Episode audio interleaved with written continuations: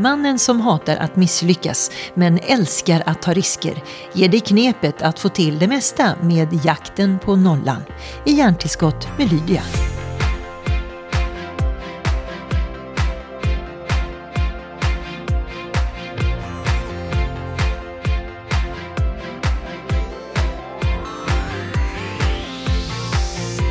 Kul att vi börjar prata om din an...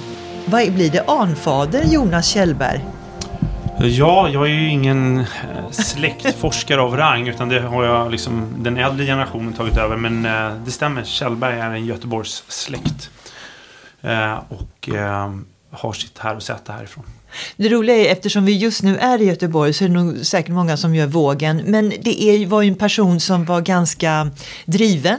Eh, eh, investerade i Ostindiska kompaniet och sådär. Det, det måste finnas något släktdrag som du har hängt på där.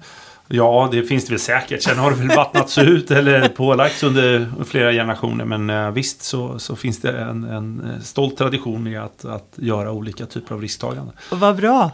Du har ju sagt att du hatar att misslyckas men du älskar att ta risker. Ja, ehm, för det finns ju inget egenvärde i att misslyckas. Jag tror ibland så har vi en en syn på att vi ska bara gå ut, make mistakes och vi ska liksom embrace failure culture och så vidare. Och jag brukar säga så här att jag går aldrig ut och spelar en fotbollsmatch för att jag vill förlora. Eller liksom jag gör ingenting för att förlora. Utan däremot är jag beredd att man måste förut... Ibland så blir förutsättningarna så att man kommer förlora. Om man tar mycket risk så är det inte säkert att man kommer lyckas. Mm.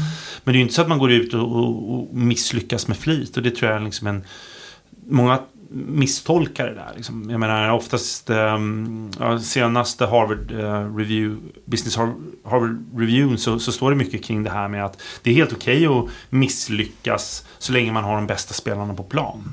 Ja, det är en bra, ja, bra för, för sätt det, att tänka det ja, så att, på. Jag menar, det är klart att ingen vill förlora på straffar men man sätter ju alltid dit sina bästa straffläggare för mm. att göra det där. Och det, det är, det är nationens bästa fotbollsspelare som går fram för att slå straffen. Ja. Du, jag ser dig som en person som har ganska lång erfarenhet av eh, entreprenörskap. Eh, du har startat många företag, varit involverad i stora succéer. Vad har varit den bästa skolan tycker du? För om jag, menar, om jag förstår det rätt, lär man sig gör ju man hela tiden. Absolut. Jag tror att eh, det är ju en lärdom också. Men sen tror jag också att faran kan också vara att man tycker att man vet hur saker och ting ska göras. Och det är just då man ska vara som mest försiktig. För då kanske också förutsättningarna ändras på ett nytt sätt. Och så är det ett annat sätt att driva bolag eller driva liksom produkter eller något så vidare. Så att det, är liksom, det är väldigt lätt att falla tillbaka till att nu tror jag att jag har formen men oftast är det inte så. Men du, det finns ju en, en generation män och kvinnor som faktiskt är väldigt eh, duktiga och framgångsrika idag som började som lumor på, eh, inom Stenbecksfären. Mm. Och du är en av dem också. Luma eh, kan väl bara berätta för de som inte har en aning om det. det. Det är de som alltid fick släcka lampan när alla andra hade gått hem, eller hur? Ja, komma först och gå sist. Ja. ja. Men av allt detta eh, med, med Luma-perioden så eh, fick du ju förmånen att bli vd över ett eh, företag och du gjorde ju alla fel. Mm. Jag förstår inte hur du kunde fortsätta få vara kvar trots att du gjorde alla de fel du gjorde. Ja, man är väl duktig på att, um, duktig på att liksom också skyla över det man gör som misstag och så vidare. Och sen så tror jag också att genom att jag hade varit Luma tidigt så lärde jag mig en sak som var väldigt nyttig som jag tagit med mig hela livet och det är ju att jag förstod hur man tänkte på i den yttersta ledningen. Man förstod att det inte fanns en generalplan för hur alla skulle liksom utvecklas eller hur man skulle göra utan det var liksom väldigt stora företagsköp. Det var en diskussion som böljade fram och tillbaka på, med bordet och sen så bara men bestäm du. Och så det, var, det fanns aldrig så här, man tror att när man är yngre att det finns en sån plan och att det här är genomtänkt och allting. Man insåg att nej, de fattar beslut på den, den information de har och har de ingen information så kommer man fatta beslut i alla fall. Men var inte det ett unikt sätt att driva affärer på också? Absolut, men det var också en väldigt nyttig egenskap att man kom in på toppen och fick förstå hur man tänkte på toppen. Vilket gjorde att jag kunde ta med mig det på vägen ner. Så att jag mm. ganska snabbt förstod att det spelar ingen roll om jag gör hundratals powerpoints. Det skiter man ju i för att det handlar ju bara om att leverera försäljningssiffrorna i det här fallet. Ja. Och du var ju en, en hyfsat ung man då mm. med väldigt många fina diplom och sådär. Mm. Men du kunde inte ett skit om försäljning. Mm. Och det att han vågade sätta dig på det jobbet, vad det nu var du var mm. vd för. Mm. Nej men jag tror att ja, det fanns väl en, framförallt inom Kinnevikssfären fanns det en otrolig tilltro till passion och folk som var beredda att, att kavla upp armarna och jobba hårt. Och, och det, det, var det. du? Ja, och det tror jag liksom var den övergripande perspektivet. Man vill inte ha de som kom och hade liksom, som var mätta utan man ville ha folk som var hungriga, alltså där brann i ögonen. Det var ju så liksom rekryteringskulturen var mm. då. Um, så att det, det, med liksom, det var en attityd att spotta händerna och så, så kör vi så det ryker. Men absolut, det, det man kan ju framförallt tänka tillbaka. Jag är mer förvånad hur man kunde spendera nästan fem år på ett, liksom ett universitet och lära, lära sig ekonomi. Och inte prata om hur man driver tillväxt utan väldigt bara så att det där händer. Eh, man pratar om det som marknadsföring möjligtvis. Ehm, även också fascinerad att man kan läsa en hel utbildning på KTH nästan utan att ens komma i kontakt med det där överhuvudtaget. Det är väldigt fascinerande. Speciellt när man tänker på alla de här eh, lyckosamma företagen. Du har invo varit involverad själv med Skype och, och suttit med eh, grundarna och gjort rätt stor succé får man ju lugnt säga. Men, men eh, vad eh, är det för eh, saker som fortfarande puttrar från de här här idéerna? Varför, eh, varför sker det inte ännu fortare? Oh, det är ju massa, det är en väldigt lång fråga. Jag tror att när det gäller försäljning så handlar jag tror idag att man, man ibland utvecklar fantastiskt coola produkter. Men sen sätter man en försäljningsmetodik som är från 60-talet. Att man ska liksom gå och träffa folk och skaka hand och så vidare. Och det, jag tror man måste tänka om där och liksom hitta ett sätt som skalar mycket bättre. Sen i just det ögonblicket man vill träffa en person, då ska man göra det. För att man måste få någon form av tillit eller känna att det finns kött och blod bakom det här bolaget, om det nu behövs. Mm. Eh, så jag tror att det gäller att tänka om i de bitarna när det gäller försäljningssidan. Sen när det gäller liksom de andra bitarna, hur man lyckas, då är det mer kring liksom just det här, man måste ha en produkt som folk älskar. Som man verkligen löser ett problem. Och sen så måste man också innovera på kostnadssidan. De flesta bolag som har lyckats har innoverat på kostnadssidan. Och det är det du så eh, trevligt kallar det för zero game, alltså ja. ta, ta, bort alla kostnader. Ja. Och vi har ju otaligt många exempel av det, Skype inte minst och eh, Airbnb och eh, Uber och hur många företag som helst. Eh, men det som är intressant som fram, framkommer ibland när du pratar om det här det är att ni var ju lite olagliga faktiskt Skype när ni startade genom att låta skicka trafik genom allas datorer. Kan du förklara det lite grann? Och hur ni got away with it är också förvånande. Ja, fast det är ju lite tillbaka till den här liksom sharing is caring. Jag tror att tillbaka att vi tog, vi tog, vi tog ställning för den gemena individen och för de flesta så var det en fantastiskt bra lösning. Du kunde ju ringa gratis. Alternativet var ju att ringa med Telia eller British Telecom för 20 kronor i minuten. Så att jag tror att även om vi gjorde någonting som folk skulle säga så att det här var kanske liksom på gränsen så var det ju ändå så att alla användare klickade ju ändå i de allmänna villkoren och tyckte att this was fine. Och vi hade ju liksom ingen, det har ju inte kommit ut någon negativ intent utan vi använde bara liksom processorkraften när du själv inte använder den. Mm. Och kom i kontakt med de kontaktgrupper man själv hade i datorn och mm. så slapp ni marknadsföringskostnaderna ja, helt enkelt. Ja. Eh, eh, är det så innovation sker bäst? Pressa det som finns? Det är kanske lagverket som inte hänger med innovationerna? Ja, men jag tror att först måste man ha en egen liksom, digital kompass eller en egen moralisk kompass. Vad vi vill göra, vad, vem står vi på? I det här fallet var vi att vi stod ju på individens sida och försökte göra det så att alla kunde ringa gratis för alternativet var mm. jättedyrt. Så att ur det perspektivet var det många som började på Skype som tyckte det var en väldigt, väldigt bra idé och liksom altruistiskt perspektiv. Sen tror jag att mycket i teknik handlar ju om att man gör saker som folk inte har sett tidigare och då blir man alltid ifrågasatt. Sen är det, och i vissa fall så hänger ju inte regelverket med. Var det här en internettjänst eller var det en telefonitjänst? Och telefoni var ju reglerat, det var ju massvis med monopol så då var det ju olagligt att bara...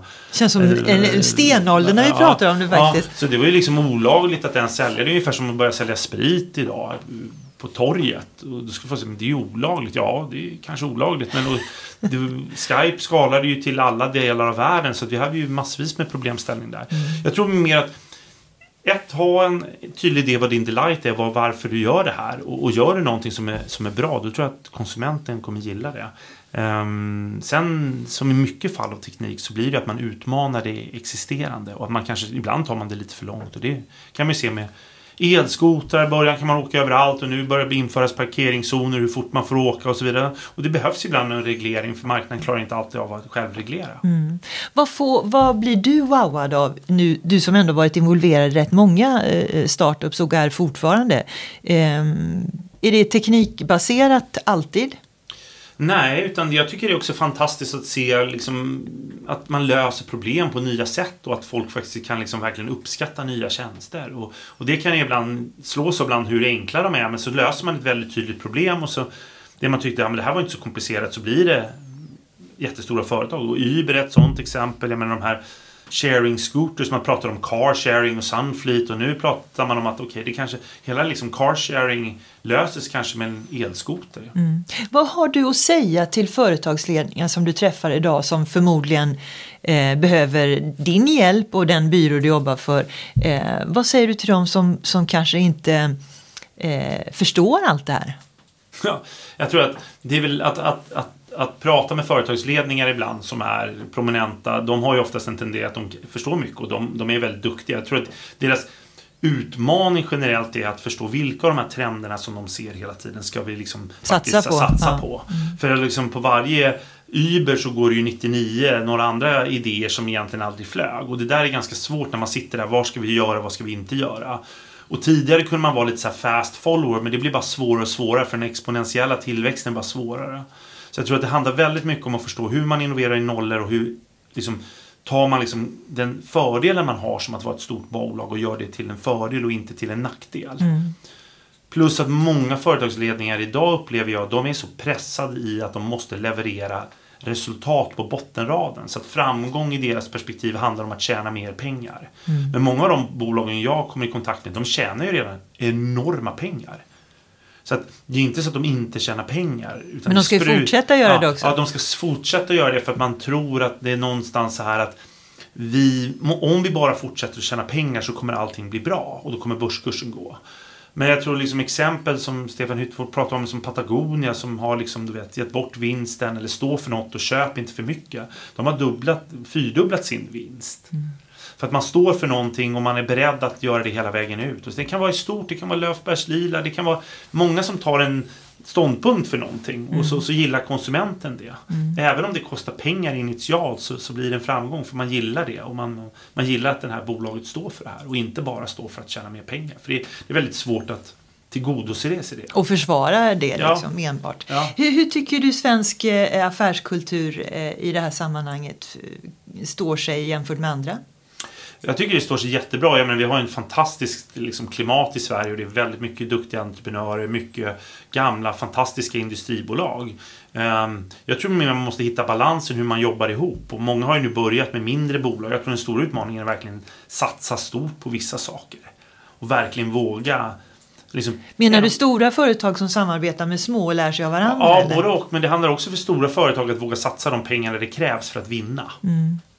Uh, och när man tror att man är på väg någonstans. Många gör det lite med vänsterhanden idag och det tror jag är väldigt farligt. Mm. För det, då blir det bara kostnader och inga intäkter. Mm. Man måste verkligen kliva in i det här och sätta det på sin egen agenda som VD att det här ska jag lyckas med under den här perioden. Mm. Och det kommer kosta mycket pengar. Jag tycker Kristina Stenbeck är ett väldigt, väldigt bra exempel som har som kommit in som, som en tredje generation och också vågat liksom, göra om hela det bolaget. Och, och, och, och, det vore ju trevligt om hon var här men hon har ju verkligen fått någonting i, i famnen som hon totalt omvandlade för att anpassa till den moderna tiden. Även om pappa Stenbeck var jätteduktig så, så förvaltade hon det på sitt sätt. Mm. Och det var ju naturligtvis fascinerande och, och bra. Eh, och då kommer vi in på Zalando tycker jag. Mm. Eh, och det som är så fantastiskt med Zalando, ja, du, om du ställer frågan till mig, jag har också handlat på Zalando.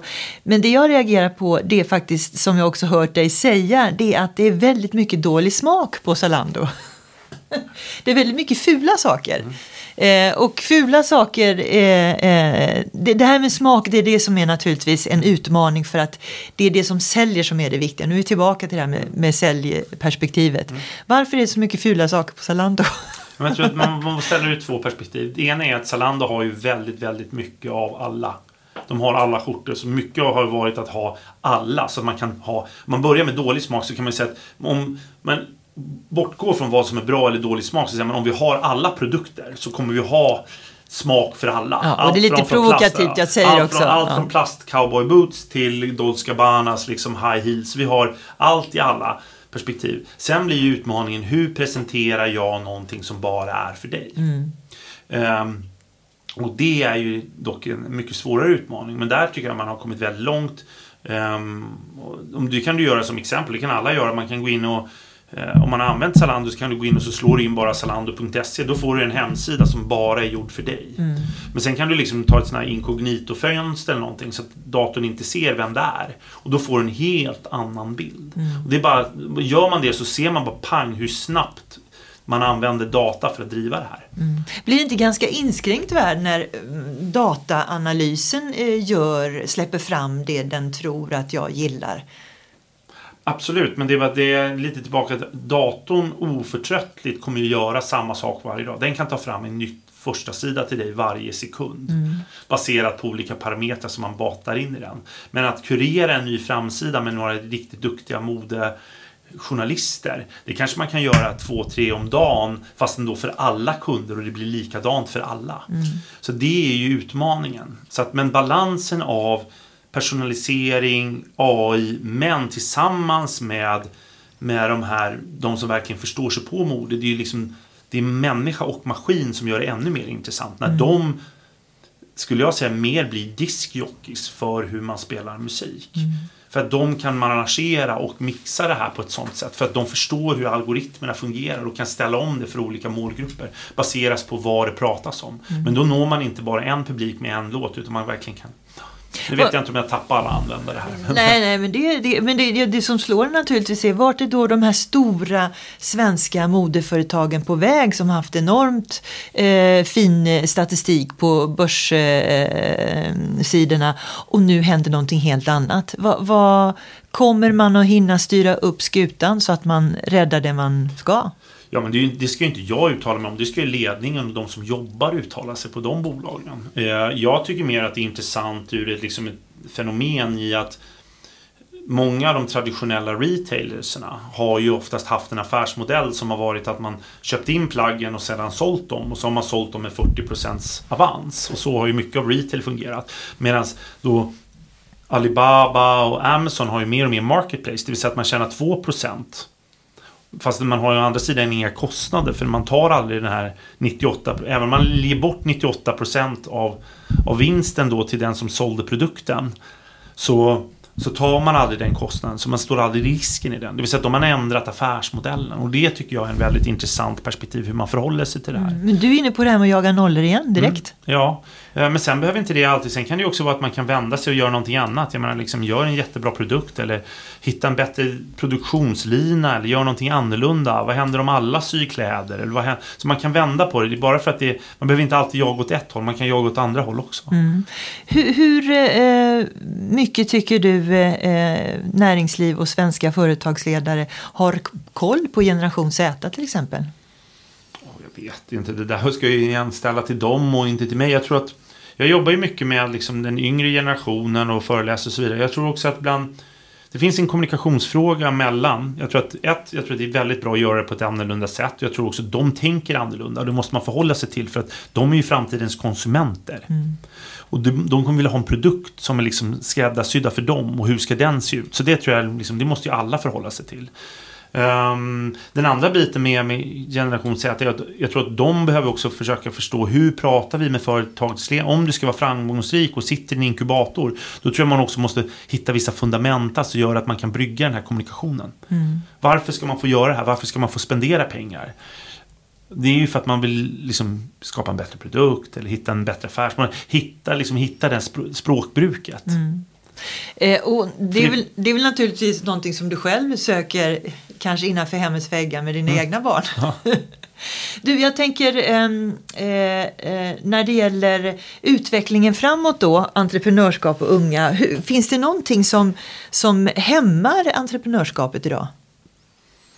Nej, jag skulle nog faktiskt säga inte. Och det handlar väl mer om vad man vill göra. Jag tror liksom man ska bestämma sig. Vara entreprenör ett tag, jobba för något stort bolag. Någon mm. annan jobba för en konsultbolag, jobba för en förening. Liksom, hitta på olika saker, prova saker. Och liksom, man behöver inte definiera. Ibland var det så att jag skulle bli advokat eller ingenjör. Och sen definiera det livsvalet. Liksom.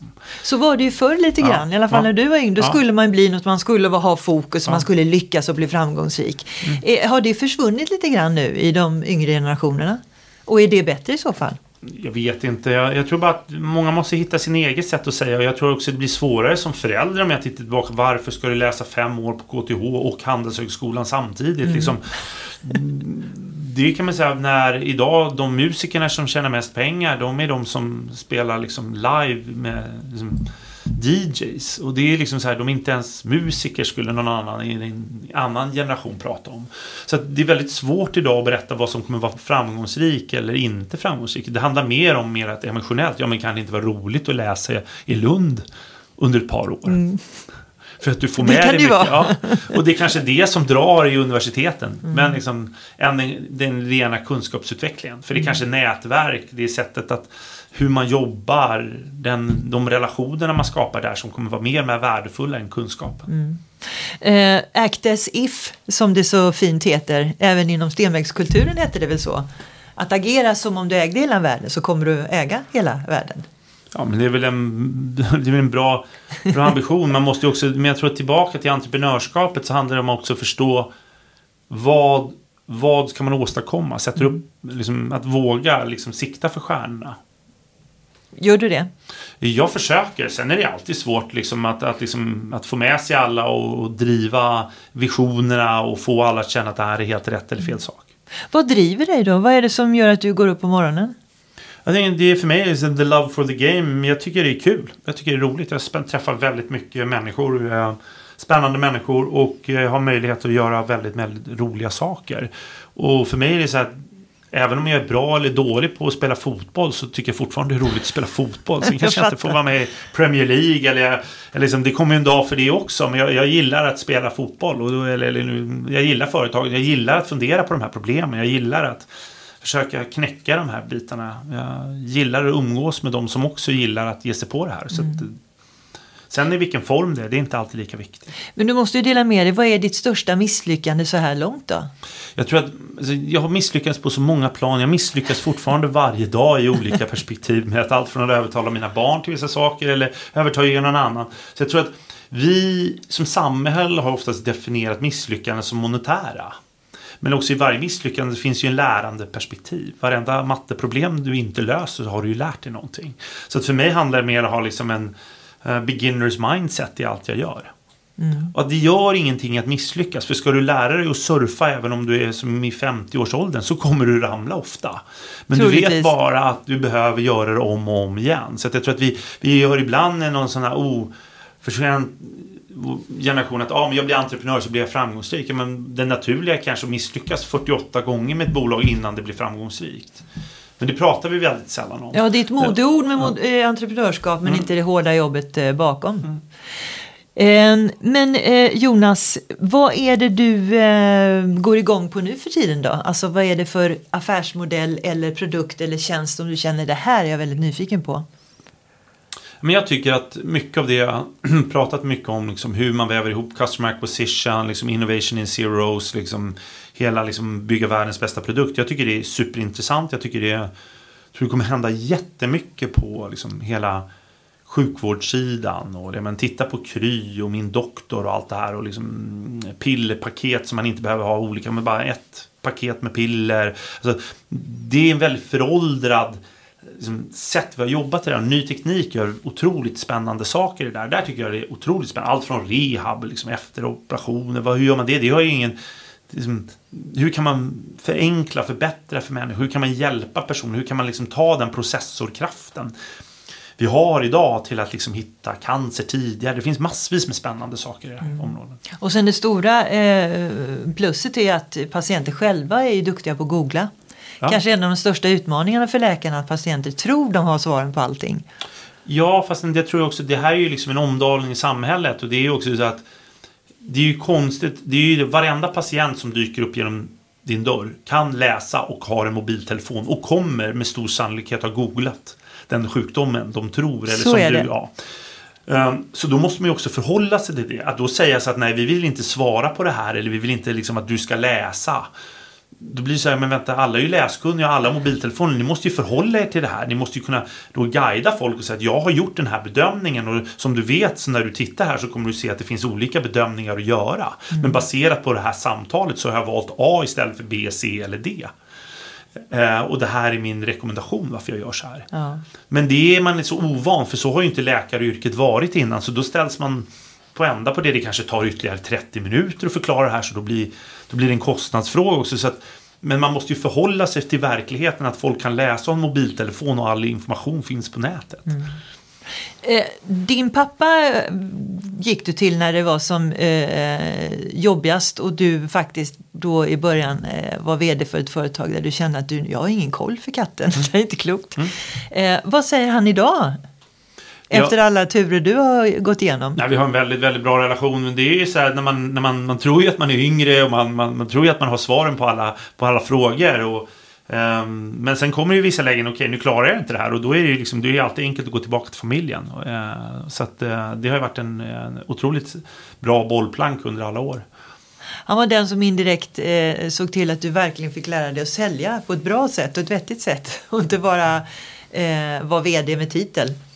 Ja, men det var väl lite som jag trodde att det var i skolan, att man, liksom, man bestämde. Sen handlar det väldigt mycket om hur man driver tillväxt och det handlar ju om hur, hur motiverar man en säljkår, vad gör man, vad behöver man en säljkår, mycket av de här bitarna. Mm. Som, som många industri, framförallt väldigt, väldigt duktiga industribolag har varit med. Liksom ABB, Ericsson, folk har varit ute och sålt svåra grejer runt om i världen. Och det, är som, det, finns, det finns ju en, en, en o, enorm kunskap i den äldre generationen som jag också liksom säger till många entreprenörer, ta in de här duktiga pensionärerna som har åkt land och rike runt och, och sålt jättekomplicerade liksom, kärnkraftverk. Det är väl nästan nya svarta att fokusera på de äldre eh, åldersgrupperna som resurser faktiskt. Mm. Jag håller med om det, det var väl det du egentligen var inne på? Nej, det var nog mer bara en reflektion. Jag tror mer att det finns väldigt mycket kunskap där som jag tror man kan ta tillvara på. Och man, man är också, men det behöver inte vara sanningen heller. Mm. Om du skulle ge eh, en, ett företag ett gott råd för hur man eh, överne, överlever nästa eh, disruption, vad skulle det vara då? Men ett måste man ju acceptera att det finns en ny affärsmodell som är mer framgångsrik. Det är oftast det som man liksom ifrågasätter. Kommer robotrådgivning vara bättre än vanlig rådgivning? Så det handlar mer om att man måste känna, okej, okay, kommer det här vara mer kostnadseffektivt och produkten kommer bli bättre än det vi gör idag? I så fall måste man ju liksom acceptera det och, och verkligen driva det. Men oftast vill man ju, oftast är man så man värnar allt om det existerande för det är där man tjänar pengarna i den existerande produkten. Kan man digitalisera allt då då? Kan man verkligen be en dator ringa upp och sälja in någonting till någon person? Är det, alltså, någonstans är det väl alltid eh, eyeball to eyeball, öga mot öga som fortfarande funkar bäst, eller? Nej, jag tror också att det är så klassiskt att man tar en bransch och så tar man ett tillvägagångssätt. Jag menar, det, det nya är kanske att du har, du liksom, många idag gör ju mest av sin research innan. Så det nya säljjobbet handlar om att lägga ut produktreviews och förklara varför man är bra och se till att man får många liksom, som verkligen gillar din produkt och är autentisk som information från andra användare som då använder Tesla-bilen eller någonting som verkligen gör och, och få ut den här informationen som verkligen förklarar din produkt. Mm. Så försäljning kanske flyttas från ett ställe till någonting annat mm. där man faktiskt har full information. Så att jag tror att ibland så blir det så att ja, man, man jämför äpplen och äpplen men jag tror att det nya landskapet ser helt annorlunda ut. Så då blir det också helt andra saker. Zalando säljer genom att göra personaliseringar och posta det i din Instagram och din Facebook. Och kommer aldrig ha en säljare kanske. Mm. Du, nu när vi är i eh, Volvoland här på västkusten i Göteborg ja. så ehm, eh, pratar man nu om att Tesla eh, känner lite hot från Volvo här och går ner eh, i pris nästan en halv miljon per bil för att möta hotet från Volvo. Är det en bra metod att plötsligt eh, visa för sina tidigare kunder att nej, den här miljonen ni betalade var lite för mycket pengar så vi kan ha råd att gå ner så här mycket? jag tror att där måste man ju fundera på liksom vad utbud och efterfrågan och nu kan jag inte liksom exakt det här men det är ju, jag tycker i alla produkter är ju prissättning en viktig del. Um, och det jag tror Tesla eventuellt gör det är att man nu prissätter när man får upp volymerna så börjar man sänka priset vilket gör att det kommer bli ännu jobbigare för de etablerade aktörerna som inte har fått upp volymerna på sina elbilar. Vilket betyder att de måste börja sälja varje bil med förlust. Tesla har sålt sina bilar med förlust de senaste tio åren och känner att vi kan fortsätta tio år till och sälja bilar med förlust. Det är inte ett problem för oss.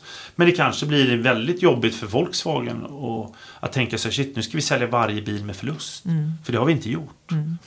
Vad kör du själv för bil? Jag har två elbilar och jag har en, en, el, en, en vanlig förbränningsbil fortfarande. En vanlig förbränning. Det känns lite roligt att säga ja. så. Du Jonas Kjellberg, hoppas du kommer långt på de här bilarna. Ja. Tack för att du kom hit. Tack.